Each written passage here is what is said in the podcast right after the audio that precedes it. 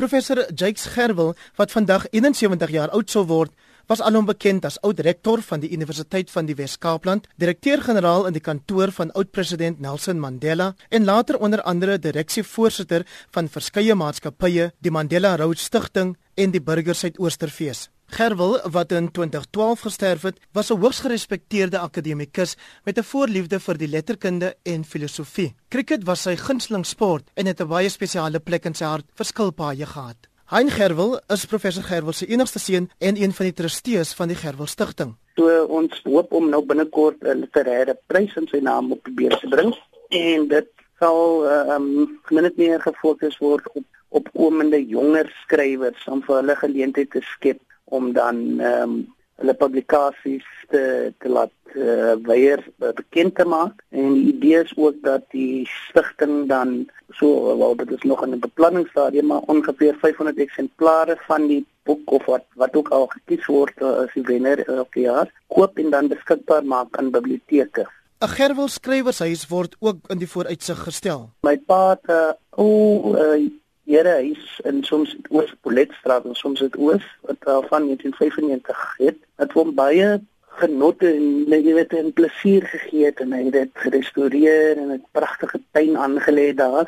Nou na sy afsterwe het uh, jy weet 'n bietjie verval so die idee van van die stigting hiermee is om hom nou lekker weer bymekaar te trek en dit as 'n skrywershuis te, te omskep. Die huis sal beskikbaar wees vir wenners van die Gerwel Skrywersprys, ander skrywers, kunstenaars en akademici ten einde te dien soos die aanhaling uit professor Gerwel se gunsteling NP van Wyk Lou gedig lui. Das al laaste keil van stil. Planne word ook op sportgebied gemaak. Die klub wat ek voorgespeel het van 9 jaar oud Tygerberg Cricket Club, een van die oudste klubs in Weskaap wat in 1953 gestig is gaan nou vir 'n uh, Jakes Gerwel Memorial Cricket Week uh, aan die gang kry. Dit is met die hulp van Johannes Adams wat my onder 12 afrigter was en nou nog 'n goeie vriend. En so wat uh, ons beoog om te doen is om ag skole in die area soos Ravensmead, Belhar en Elsie rivier te kry. Hein Gerwel sê die twee jaarlikse Jakes Gerwel gedenklesing vind ook weer hierdie jaar plaas. Kyk ons as die stigting se se raad kies 'n onderwerp wat min of meer nalatenskap van uh, my pa sal net aanwakker. Wat beskou Gerwel Junior as sy pa se grootste nalatenskap?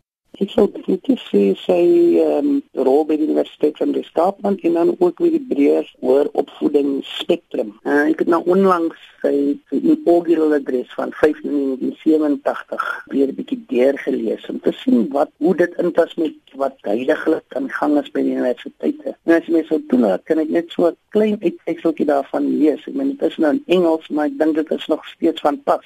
The one ideological formation underrepresented or not at all represented in a similar way within the South African university community is that of a more radical left. Such political descriptions are not precise, but in essence, with the South African left, one is collectively referring to those people and institutions seeking and working for a more fundamental transformation of the old settler colonial dominated order which is the present South Africa. The major thrust is towards a non-racial and majoritarian democracy, reflecting itself not in the mere form of multiracial political arrangements, but more fundamentally in the social reorganization of power and privilege. En ek dink dit is iets wat baie baie belangrik is op hierdie met al die tipe debatte wat nou aangaan oor white monopoly capital en dat daar nie die nodige transformasie was nie. Ek dink dis iets wat ons baie ernstig moet oor nadink en 'n manier vind om saam te werk tot om hierdie tipe doelwitte te bereik. En wat is Hein Gerwel se blywendste herinneringe aan sy pa? Sy menslikheid. Net mense het altyd hom gesien as 'n tipe stoere, ernstige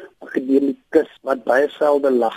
Maar agter toe deure was hy 'n gemoedelike mens met groot liefde vir sy familie en breër mensdom gehad het. En hy was baie lief vir kinders, veral sy kleinkinders het hom groot genot gebring. My twee kies net praat nou nog baie gereeld van oupa en wat hulle met hom gedeel het, alles hulle toe nog klein. So het hy daai tipe menslike impak gehad op almal wat hom goed geken het. En hy het baie lief vir skerp en het droë grappies vertel. En eintlik net as dit nou regtig lekker gegaan het, 'n grappe met 'n uh, tipe punchline wat altyd ook sê die lelikste van Afrikaanse woorde insluit, net sodat dit daarom ook nou en dan kan gebruik.